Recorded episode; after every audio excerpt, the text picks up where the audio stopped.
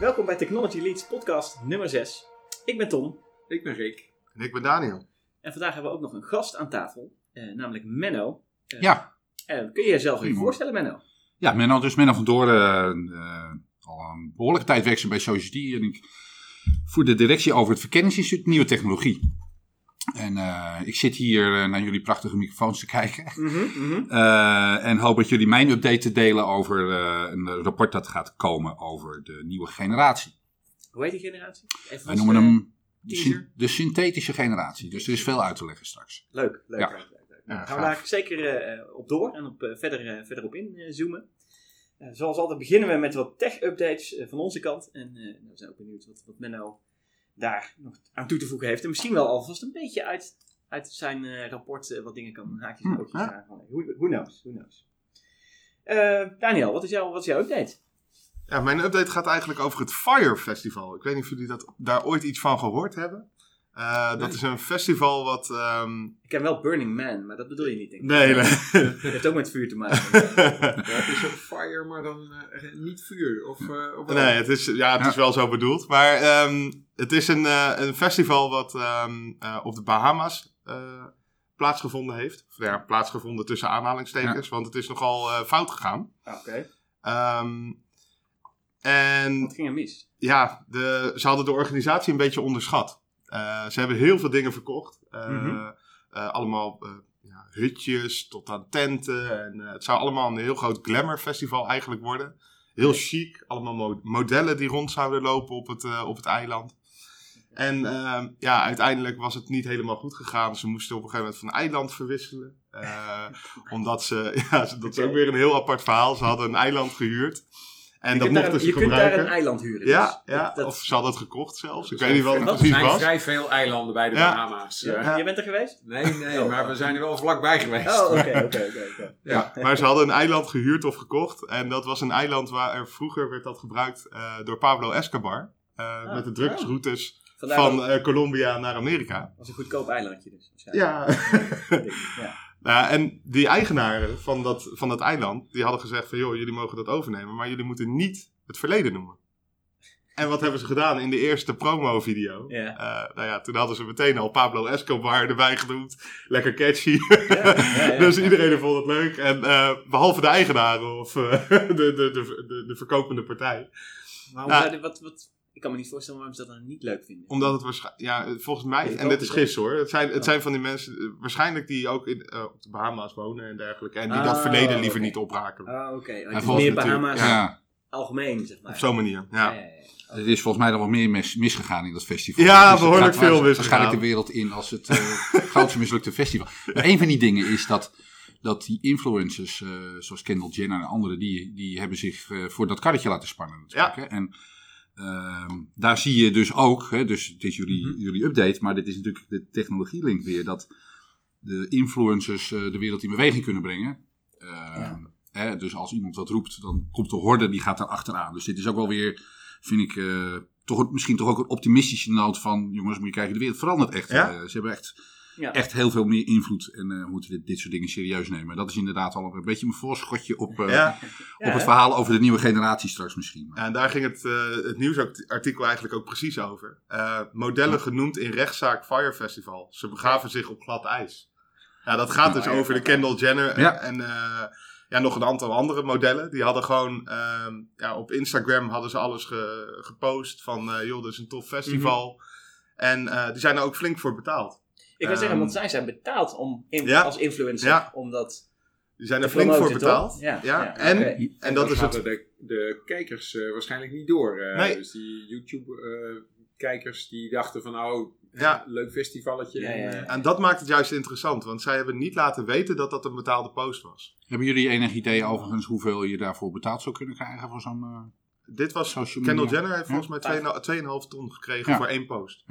Voor één post. Ja. Oh, ik dacht iets van Oh, ik ga vijf ton post voor het geheel. Nee, 2,5 voor één 2,5 post. Ja, Nice. Ja, ja dus de Economist heeft eh, berekend dat vanaf 7 miljoen volgers, dat zijn er natuurlijk niet heel veel, maar Ja. tenminste wel veel volgers, maar niet heel veel mensen die meer dan 7 miljoen hebben, Ja. dan dat het inderdaad oploopt tot een paar ton per posting. De post, Ja. ja. ja, ongelooflijk. Ik hoorde toevallig pas inderdaad in, in Nederland, even de vertaling naar Nederland maken dan, eh, van eh, iemand die een eh, Nederlandse podcast, ook een beetje tech-gerelateerde podcast deed.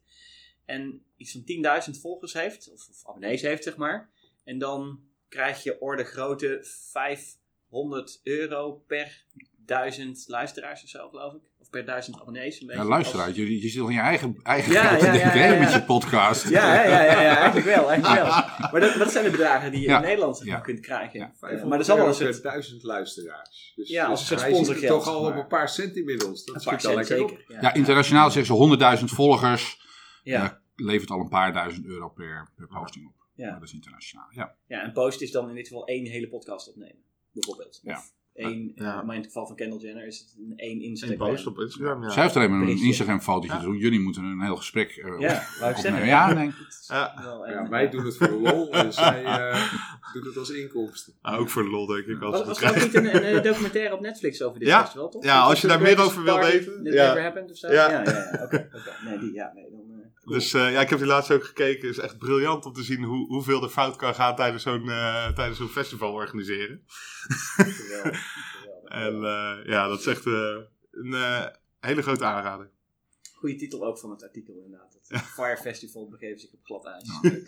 Geweldig. Ja. Nederlandse bedenken van, van titels. Maar mooi, over glad ijs gesproken. Ik heb een mooi, een mooi bruggetje naar, naar een geweldig eh, ander artikel. Wat ook over, eh, nou in dit, in dit geval, ijs en kou gaat.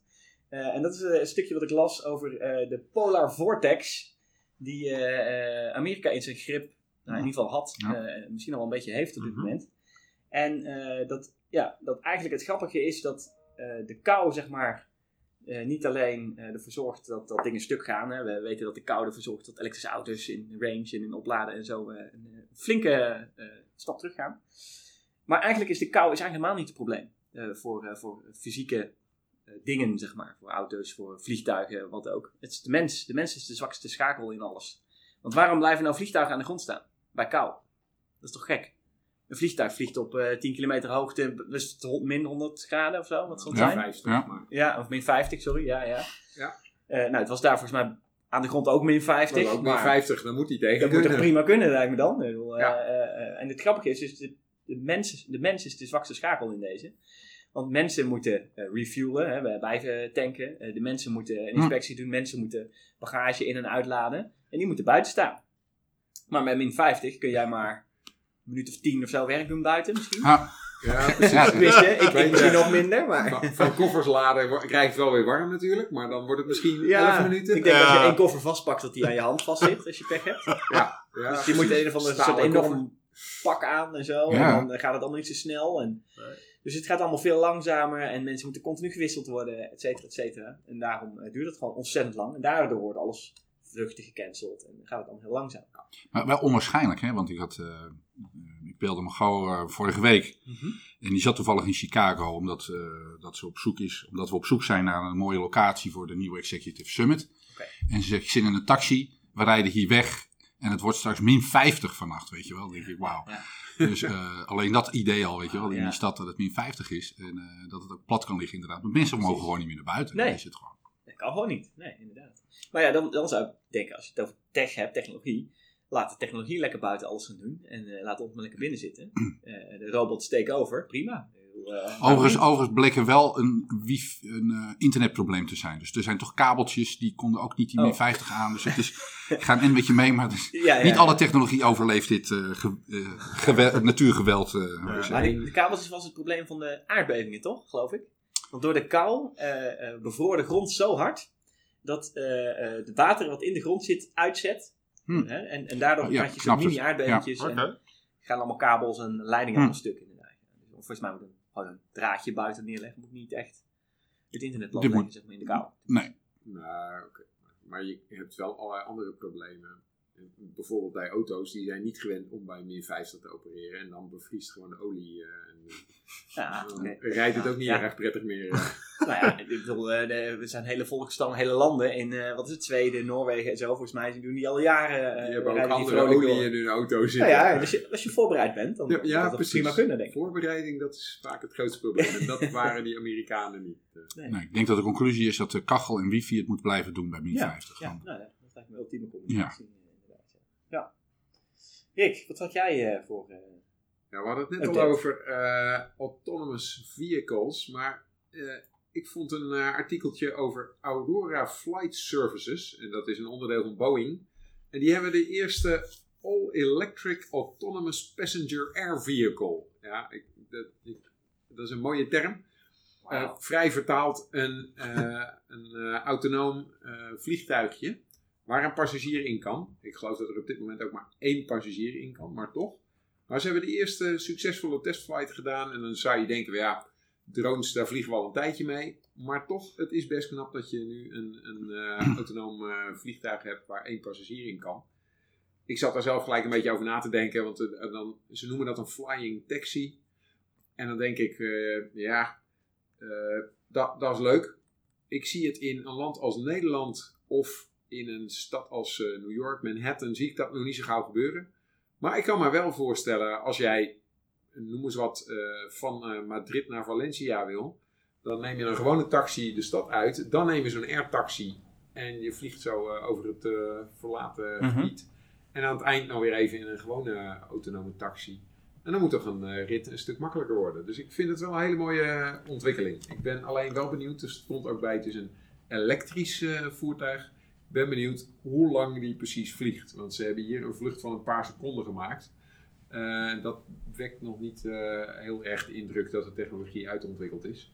Maar het is een mooie eerste stap. En ik ben benieuwd eh, hoe zich dat verder gaat ontwikkelen. Zou je, er, zou je er zelf instappen? Ja, dat ben ik ook wel benieuwd naar, ja. ja. Ja, waarom niet? Nee, vraag. Ja, ik zou er eh, wel in stappen. Blind. Ik ben niet als eerste, want ik ben geen adopter. en ik ben natuurlijk een tester. maar maar eh, ja, nee, maar als je kijkt wat er nu allemaal voor technologie in vliegtuigen zit, waar ik ook in meevlieg. eh, en ik weet op, Ja, eh, met wat voor, eh, als kleine anekdote, welke testtechniek ze gebruiken om die dingen te testen. En wat je dus allemaal niet test. Ja, ja, ja. ja. En eh, ja, toch eh, stappen we allemaal eh, vrolijk in de vliegtuigen. Ja. Maar is, wat, wat, ik, ik, bijna wat mij toch nu, niet. eh, eh, mijn vraag is eigenlijk meteen, ik bedoel, autonomous aircraft, test flight, bla Het is toch gewoon een drone, of niet? Waarom, is waarom eigenlijk heet, een noemen we dit niet ja, gewoon een drone? Drone. Nou ja, Forse drone. ja, het is een grote drone, maar het, Ja, maar Ja. drones, je, hebt, je hebt ontzettend, ik bedoel, de- het leger gebruikt nog veel grotere drones. ja, dat is waar. Maar ook met Waarom mensen erin. Ja, de, het, het belangrijkste Niet- nou verschil ja, is nee, hier dat dat er niet, een maar- passagier in zit die Ja. vervoerd wordt. Overigens, Ja, maar die heb je toch ook wel? Meerdere, niet? ik weet niet of je al drones had, de autonoom, die- die, die- die- mensen vervoeren. Ja, jawel, jawel. Je hebt toch wel drones, eh, wat tests, eh, die, eh, die drones met, met Ja. of hoeveel Nou, de- eh, dat is inderdaad erop. weer een aardige, dat je natuurlijk je allerlei ontzettend van van dit soort initiatieven hebt. Ja, Maar het feit dat nu een grote fabriek als Boeing, wat toch een van de twee grote Ja. vliegtuigfabrieken is, eh, daarin stapt, zegt dat er wel een volgende fase ingaat.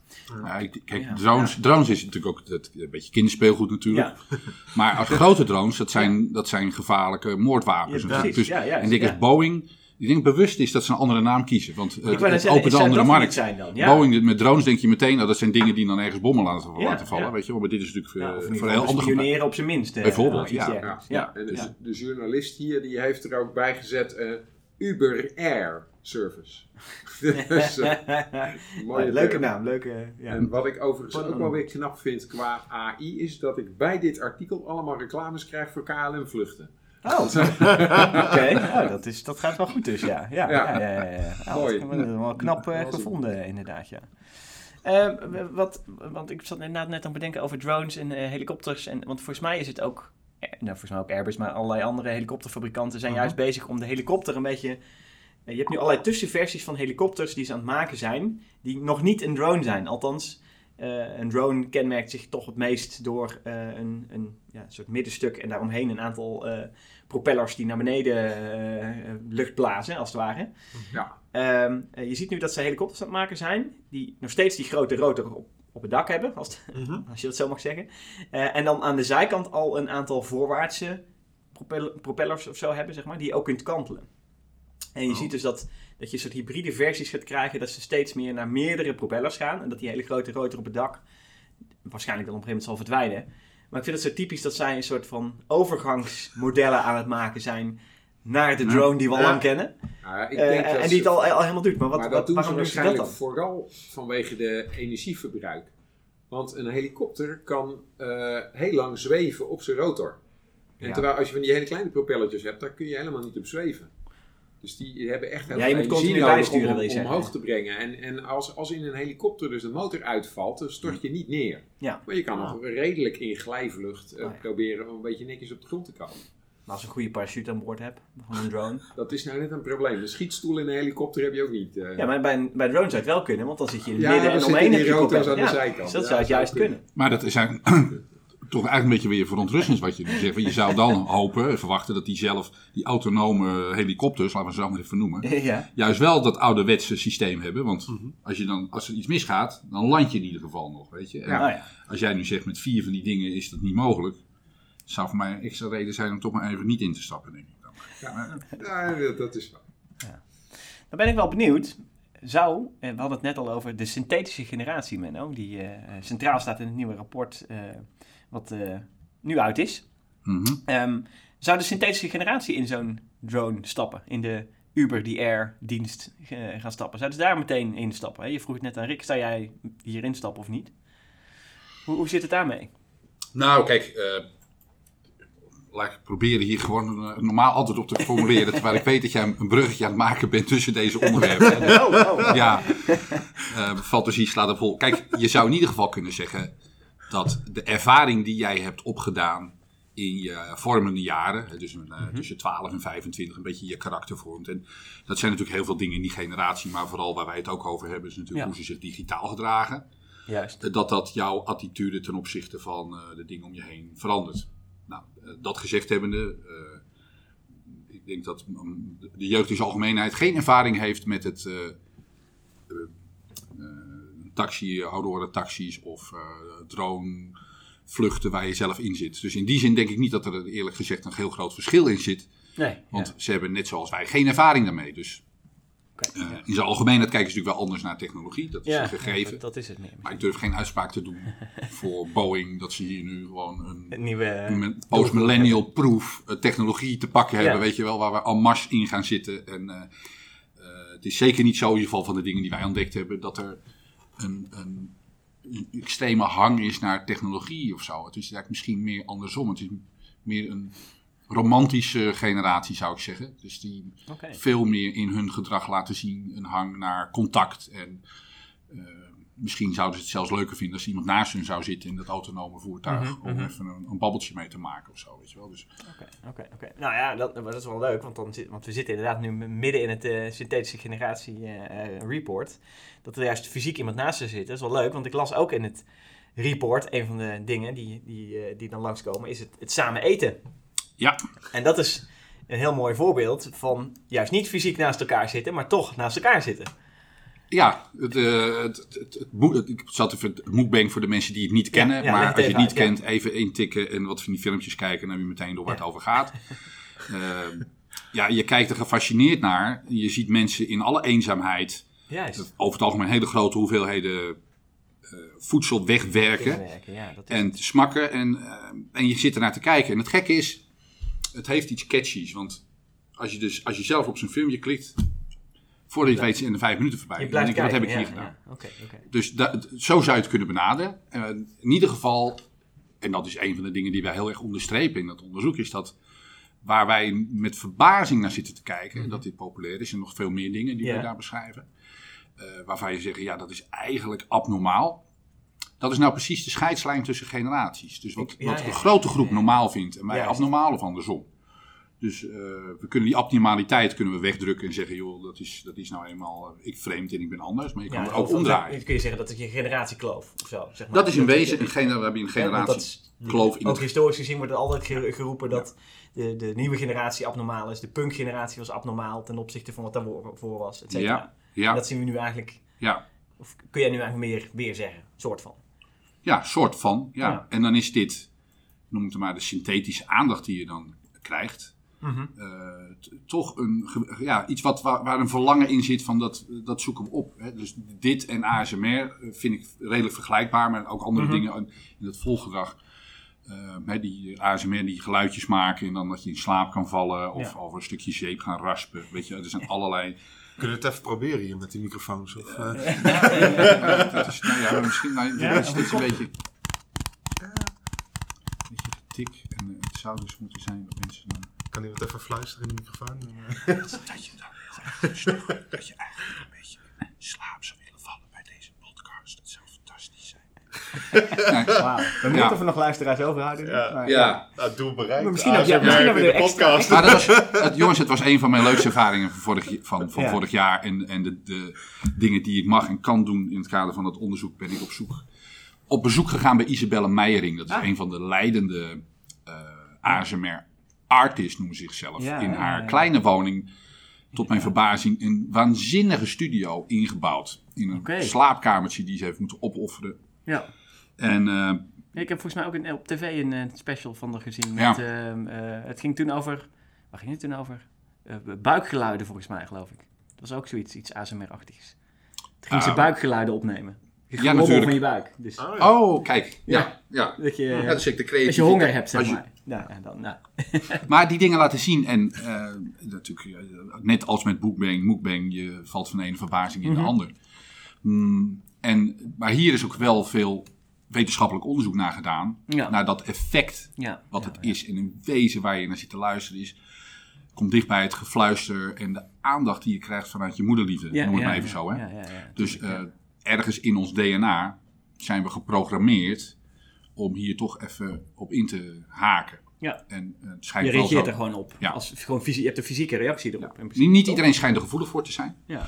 maar grote groepen wel. En, Nou, volgens mij is het zo juist dat je moet uitvinden waar je gevoelig voor bent. Want het is natuurlijk, ASMR heeft natuurlijk zo, wat je net zei, het raspen van zeep tot het, ja, het wrijven tegen de microfoon aan. eh. Wat een ruis geeft. Het is een soort, allemaal varianten van een soort ruis die je creëert. En Ja. de een heeft dat bij, eh, nou ja, zoiets als zeep. En de ander heeft dat natuurlijk met hele andere dingen.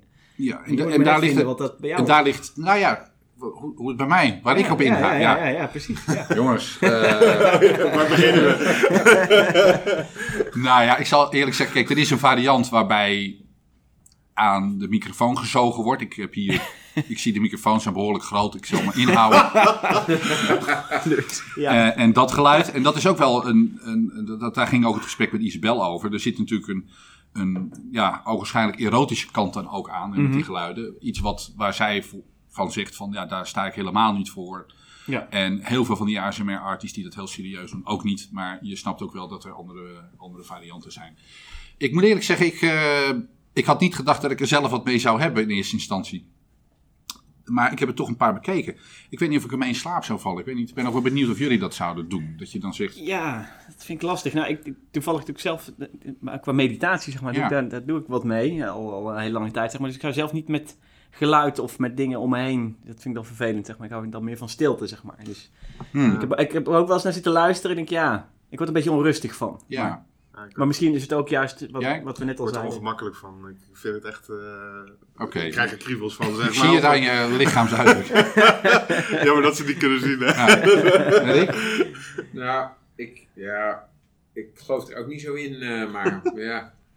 Ik heb het nog niet geprobeerd, dus ik weet het eigenlijk niet. eh, maar Nee, je moet gewoon Nou ja, dan moet je het eerst even proberen. ja, want op ik ja. dat ik eh, toch net niet tot de synthetische generatie behoor. Dus Ja, maar dat hoeft niet, eh, je hoeft niet per se synthetische Nee. generatie te zijn om eh, eh, ASMR eh, ja, ja. interessant te vinden dan wel gebruik van te maken, toch? Kijk, in- het interessante was toen we er waren in dat gesprek met Isabel. En hoe ze daartoe gekomen is. En, en ze zei van ja, ik zat heel erg, die zegt tegen een burn-out aan. Maar ze had Ja. twee sportscholen, hartstikke druk. En ik werd zelf rustig van ASMR. Toen dacht ik, ik ga het ook opnemen. En nou, daar is ze heel succesvol in. Heel professioneel. Roleplayer game doet ze, achtige dingen. Moet maar eens kijken. En toen zei ze, maar toen had ik dat erbij. En het- eigenlijk werd het probleem groter in plaats van kleiner. Want ze had al die twee banen. Deze Ja. ook nog. En, eh, Ja, en ja. toen hebben we haar nog voor een diner pensant met klanten. Dat was een, was een waanzinnig interessante confrontatie. En toen zei ze, dit is het laatste wat ik nu doe. Oké. Trek even de stekker eruit. Ja, En ik kom weer terug op de lijn. En ik mag haar 1 april benaderen. Met de vraag of ze voor het symposium ook wil komen. Dus ik Ah. hoop, eh, Isabel, misschien hoor je dit, ik weet het niet. Maar ik kom zeker 1 april weer bij je terug. Dat is geen Ja. grap. Leuk, Om ja. haar verhaal ook te horen voor het grotere publiek. Ja, ja, ja. Gaaf. ja. Want het, het, eh, het grote publiek, daar gaan we veel meer over de synthetische generatie neerzetten, neem ik aan. Ja, het, het thema daar voor het symposium is synthetisch. Dus daar spelen we natuurlijk leentje buur bij het feit dat wij de generatie synthetisch noemen. Nou, daar Dus daar zit zeker een hele belangrijke inhoud in voor het symposium. En ook de technologische kant daarvan. Synthetisch is natuurlijk een variant op kunstmatig. Ja. Maar in die zin is synthetisch anders, waarbij bij kunstmatig je vooral de nadruk wil leggen op het verschil tussen het natuurlijke en het onnatuurlijke. En het kunstmatige en het Ja. gewone. En dan, dan zit je eigenlijk al een beetje, de- dan krijg je een beetje de creeps van wat is nou echt en niet. En bij synthetisch, en dat hebben we ook pro- proberen te beschrijven in, die, in het rapport, is het veel meer een blend. En de synthese die tot een nieuwe realiteit komt. En kijk, heel veel organisaties, eh, eh, heel veel klanten van ons die bezig zijn met digitale transformatieprogramma's, die, die zien nog digitaal als een bestemming. Precies. Terwijl bij generaties dat veel meer geworteld is in die, die vormende jaren waar we het net over hadden. En per definitie ook op andere dingen komt. Dus, en dan komen we eigenlijk weer terug op dat maffe gedrag wat we beschrijven. Dat is voor hun veel natuurlijker. Een soort symbiose van het digitale en het niet-digitale. En ik denk dat we daarvoor heel veel inspiratie kunnen halen uit het begrijpen hoe die generaties dan in elkaar zitten, hoe ze gevormd zijn. Eh, ook naar wat betekent dit dan nou voor mijn digitale transformatie. Ja, ik zat, Ja, een ik- van de dingen die mij ook opviel in het verhaal met dat synthetisch is dat het steeds lastiger wordt om verschil te maken tussen echt en onecht. Ja. Waarbij overigens Hmm. sommige dingen die misschien in mijn ogen vanuit mijn generatie onecht zijn, in de ogen van de synthetische generatie echt zijn. Dat is natuurlijk ook met influencers. Bijvoorbeeld als je influencers ziet, heel veel dingen zijn gesponsord. Terwijl ze er bij heel veel dingen ook niet zeggen dat dat gesponsord is natuurlijk. Ja, eh, ja, hoe, hoe, Wat hoe er echt- gemaakt is het dan, zeg Ja. maar. Je je kunt jezelf maken natuurlijk, hè, door, door je eigen eh, helemaal, helemaal neer te zetten in de markt. En, Ja. en, en dan word je een influencer, omdat je nou, blijkbaar een goede kijk op dingen hebt en eh, dingen om je heen verzamelt, et cetera.